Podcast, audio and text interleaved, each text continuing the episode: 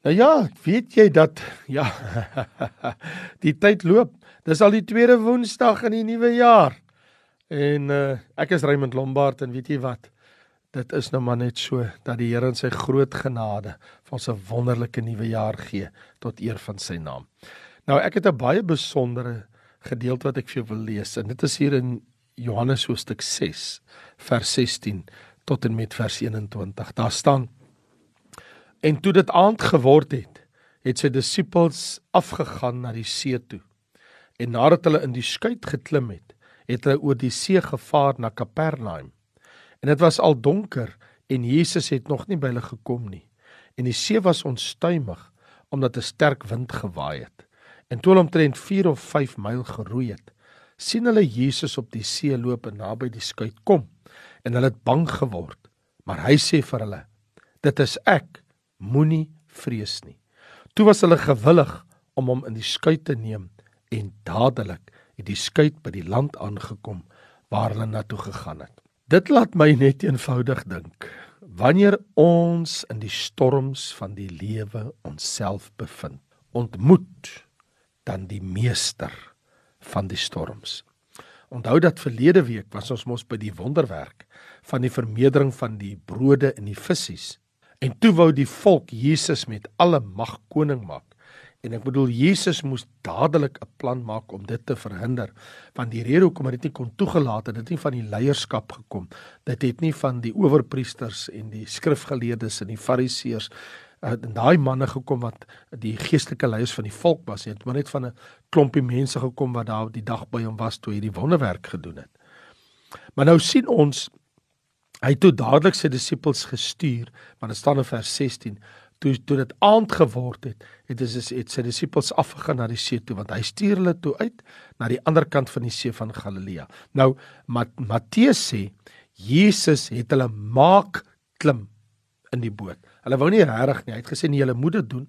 Julle moet nou oorgaan. Julle moet gaan.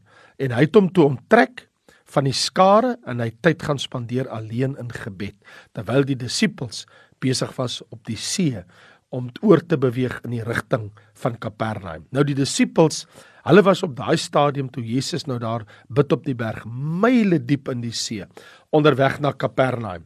Ek bedoel die Bybel is mos dan nou al duidelik daar wat sê en het, hulle het in die skuit geklim, hulle het na die see gevaar na Kapernaum en dit was al donker. En Jesus het nog nie by hulle gekom nie en die see het onstuimig geword omdat 'n sterk wind gewaai het. En toe hulle omtrent 3 of 4 myl geroei het, so hier is ons. Dit was al donker. Hulle het in die donker in 'n stormsee hulle skielik bevind. 'n Stormsterk wind en hulle vaar lynreguit teen die wind. Nou sekerlik sou Petrus en sy vriende, ek bedoel hulle is almal gesoute vissermanne. Hulle sou die seile afgeslaan het wetende hulle kan nie so teen die wind vaar nou nie en nou roei die manne in tandem of dat die wind is so sterk dat dit die boot sal omgooi of die seile skeur dat hulle besef al wat nou oorbly nou sal ons moet roei. Manne kom ons begin in 'n tandem begin daai manne roei. In 'n sterk loeiende wind in 'n nagtelike storm op die oop see. En die skare mense die wonderwerk van die brood en visse vroeër die dag. Dis nou alles vergete. Want hier is hulle in 'n oorlewingsstryd geworstel. Wat hier aan die gang is, is dat manne ons moet deur hierdie see moet ons kom aan die ander kant in Kapernaum. Hierdie is nie 'n speelietjie nie. Nou jy weet, soms kom storms oor ons lewe omdat ons die Here gehoorsaam het. Ek bedoel dis presies wat hier gebeur het. Hulle wou nie gegaan het op die see nie, maar Jesus gesê hulle moet dit doen, kerels. So omdat hulle aan die Here gehoorsaam was, het hulle in 'n storm beland. Ek bedoel hulle is nie die enigstes wat in 'n storm beland het omdat hulle die Here se beveel uitgevoer het nie. Paulus hulle het uh, nadat hulle die gesig gehad het, daai Macedoniese roepstem, het hulle mos dadelik gegaan na Griekeland toe en daar het hulle in die tronk beland omdat hulle die Here se roepstem gevolg het. Maar dan wil ek ook sê, natuurlik, ek bedoel daar is storms in die lewe omdat ons die Here gehoorsaam, maar dan is daar storms in die lewe omdat ons self die oorsaak daarvan. Ek bedoel ek en jy deur ons eie optrede bring soms 'n storm oor onsself. Vra maar vir die profeet Jona Hy het 'n storie om te vertel. Ek bedoel, hoekom dink jy het Jona daar beland in die diepte van 'n die see toe hy gevlug het in die rigting van Spanje, Italië en Spanje om weg te kom van van die Here se opdrag en dit is om vir Ninive te gaan preek en hy vlug aan die teenoorgestelde kant toe. So wat ons nou ook vind is dat die evangelieskrywer Matteus wanneer hy vertel van hierdie wonderwerk toe Jesus op die see geloop het. En hy sê dit in sy vertelling en hy sê dat Jesus en Petrus het op 'n stadium het hulle natuurlik op die water geloop want ek bedoel want toe hy vir hom sê uh, hulle toe mos by die skei gekom maar dis nie net al wat gebeur het nie want in Matteus se vertelling toe Jesus aangestap kom en Petrus hoor dit is die Here toe sê hy iets wat Johannes nie vir ons hier vertel het nie en ons lees dat Toe Petrus hoor dit is die Here, toe staan daar en hy sê vir hom: "Maar as dit U is, Here, vers 28 van Matteus 14, as dit U is, beveel my om na U te kom." En hy sê: "Kom." Petrus klim toe van die skei af en hy loop op die water om na Jesus te gaan. So hy het 'n ent geloop en nadat hy ent gestap het, toe hy die sterk wind sien het hy begin bang word en toe hy begin sink, toe roep hy: "Here, red my." En die Here Jesus het dadelik sy hand uitgesteek en hom gegryp in die hand. Volgens sy klein gelowige, waarom het jy getwyfel? Jy was aan op pad om na my toe te loop. Jy sien, al hierdie dinge, God dank, het in die donkerte van die nag plaasgevind sodat net Jesus en sy disippels van hierdie wonderwerk geweet het. Want ek bedoel, kan jy dink wat sou die skare gedoen het as hulle gesien het Jesus stap op die see na die skei toe en Petrus klim uit en loop na hom toe en ontmoet mekaar op 'n kol en uh, en Jesus help hom weer regop in die water en daar stap hulle verder en klim in die skei. Ek bedoel kan jy dink wat sou daai mense daai dag gedoen het? Want ek bedoel eers het Jesus die mense by die groen gras laat sit en hy het hulle 'n middagete gegee van brood en vis en nou maak hy die storm stil want toe hy in die skei klim, toe word die storm stil en die en die wind het gaan lê. Daar staan ook dat uh, toe hulle, hulle gewillig was om in die skei te klim, toe die wind stil geword en die golwe het gaan lê. So Wat 'n herder as jy dink hy laat my neer lê in groenwyvelde na waters waar rus is lei hy my heen wie dit gesê? Koning Dawid. Waar het hy dit gesê? Psalm 23 jy sien die een ding wat ons oplet van Jesus hy was nooit geïmponeer deur groot skare mense nie hy het geweet hulle motiewe was nie suiwer nie hulle het hom meestal gevolg om die wonders en die tekens van die wonderwerke wat hulle gesien het dit is maar hoe die Romeine die onderdane in die Romeinse ryk ook maar in bedwang gehou het. Ek bedoel brood in sirkusse was mos die spreekwoord.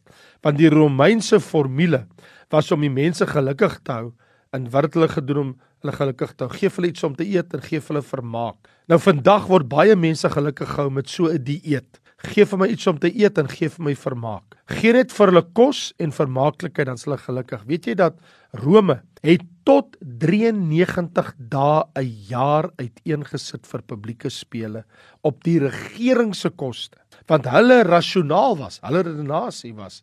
Dit is goedkoper om die skare te vermaak as om hulle te beveg of in die tronke te sit en daar te hou. Ek en jy moenie bedrieg word deur die populariteit van Jesus by sekere groepe mense vandag nie, hoor. Baie min mense, weinig mense wil Jesus as Here, Meester en Saligmaker dien.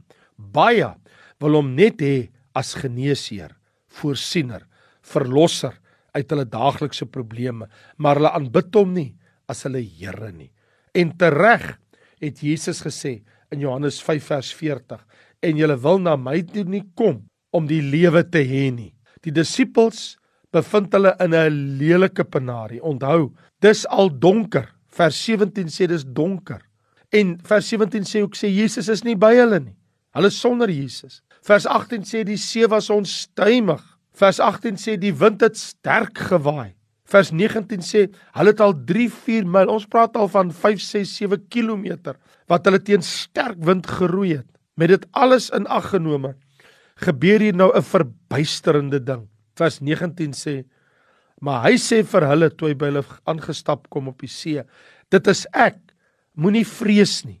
En hulle sien 'n mens en dit lyk nogal soos Jesus kom aangestap op die see. Hy loop op die onstuimige see. Vrees gryp hulle aan. Toe hoor hulle 'n gerusstellende woord. Dit is ek. Moenie vrees nie. Geen ander skepsel onder die hemel kan sulke woorde spreek onder sulke omstandighede. Wat jy sien, hierdie is die taal van 'n oorwinnaar. Moenie vrees vir die donker nie. Hier is ek. Ek is die lig. Moenie vrees vir die onstuimige see nie. Hier is ek. Ek maak hom stil. Moenie vrees vir die dood nie. Hier is ek. Ek is die lewe. En ek wil byvoeg, moenie vrees vir jou sonde, vra Jesus om jou te vergewe. Moenie vrees vir die hel of die oordeel nie. Jesus sê ek het die sleutels van die dood en die doderyk en aan my is die oordeel gegee. Dit is ek. Moenie vrees nie. Lees weer vers 20 van Johannes 6.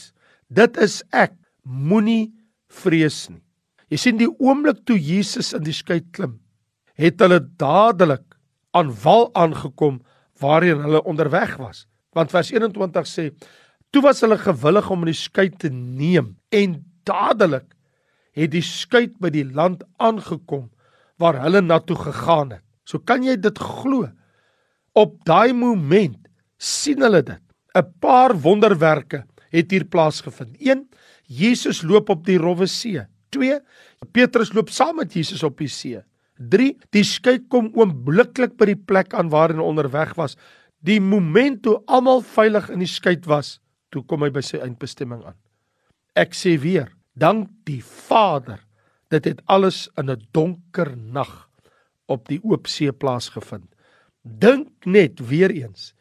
Dink net wat sou gebeur het indien al daardie duisende der duisende mense dit met hulle eie oë aanskou het, wat sou hulle nie alles met Jesus wou doen nie? Jesus kon mos maar kuslangs gestap het van Betsaida na Kapernaum as hy wou. Ek bedoel, die distansie tussen Betsaida en Kapernaum waar hulle onderweg was, is maar 32 km. Hy stuur sy disippels op die skei om dit op 'n skei af te lê die distansie op die see. Hy kon net sowel geloop het op land maar hy het gekies om oor die see na hulle toe te stap. Die Bybel sê, want dis wat ons lees in Markus se vertelling van hierdie verhaal. Jesus het van die berg af vroeg aan, toe dit begin donker word, gesien hoe swaar kry hulle op die stormsee om te roei. En hy besluit, in plaas van om sommer land langs te stap, gaan hy sommer reguit koers kies, sommer see langs in plaas van pad langs. En hy gaan hulle sommer daar op die see ontmoet. Hy los hulle nie heeltyd alleen in die storm nie. Ek sê vir jou, Jesus los jou nie heeltyd alleen in die storm nie. Ja, daar was 'n tyd wat hulle alleen in die storm was, wat hulle moeilik geroei het, wat hulle gevrees het, wat hulle bekommerd was. Ek en jy's baie keer in 'n storm, ons voel ons is alleen, ons is bekommerd, ons is angsbevang, ons is bevrees, maar Jesus los hulle nie heeltyd daar nie. Hy het toe gekom na hulle. Dit laat my dink aan wat Margaret Avery, wat 'n onderwyseres was, van 'n klein elementêre skooltjie op die platteland te vertelle gehad het. Sy sê eendag was daar 'n sneeustorm met vreeslike wind en sy help die kinders om by hulle huise betyds te kom voordat hulle almal in die sneeu vasval. En nou sê hierdie klein eh, graad 1tjies en graad 2tjies het nou almal hierdie klein seentjies, hy's nou almal op pad en sy stap saam met hulle op 'n stadium. Toe gaan dit maar met 'n groot gesukkel deur die druwe en hulle is uitgeput met die gesukkel teen die snerpende wind en die sneeu en die koue en die, sy hoor toe die een klein seentjie wat hier so stap tussen die bondel dat hy sommer so hardop hoor sy hy homself sê we could be doing with that chap Jesus here now. Sela sê ek ook. We could be doing with that chap Jesus here now. Ons kan altyd doen met Jesus. Ons hoef nooit sonder hom te wees nie die ou seentjie het al gehoor wat Jesus alles gedoen het en hy dink as ons maar net daai man hier by ons kon gehad het. My vriende, luister na my. 'n Gladde, rustige, stil see maak nie ervare seemanne matrose nie, hoor. Dis wanneer ons die storms van die lewe trotseer en ons in storms bevind dat ons weet dat die meester van die storms is by ons. Ek het vir jou gesê, ek praat met jou oor wanneer ons in die storms van die lewe ons bevind, ontmoet die meester van die storms. Jesus laat storms toe in ons lewe sodat ons daardeur ook kan leer om hom selfs daarin te vertrou. Net soos wat 'n gladde, rustige, stil see nie kan ervare seemanne vestig nie, want hulle het nodig om te leer met 'n moeilike rowwe see.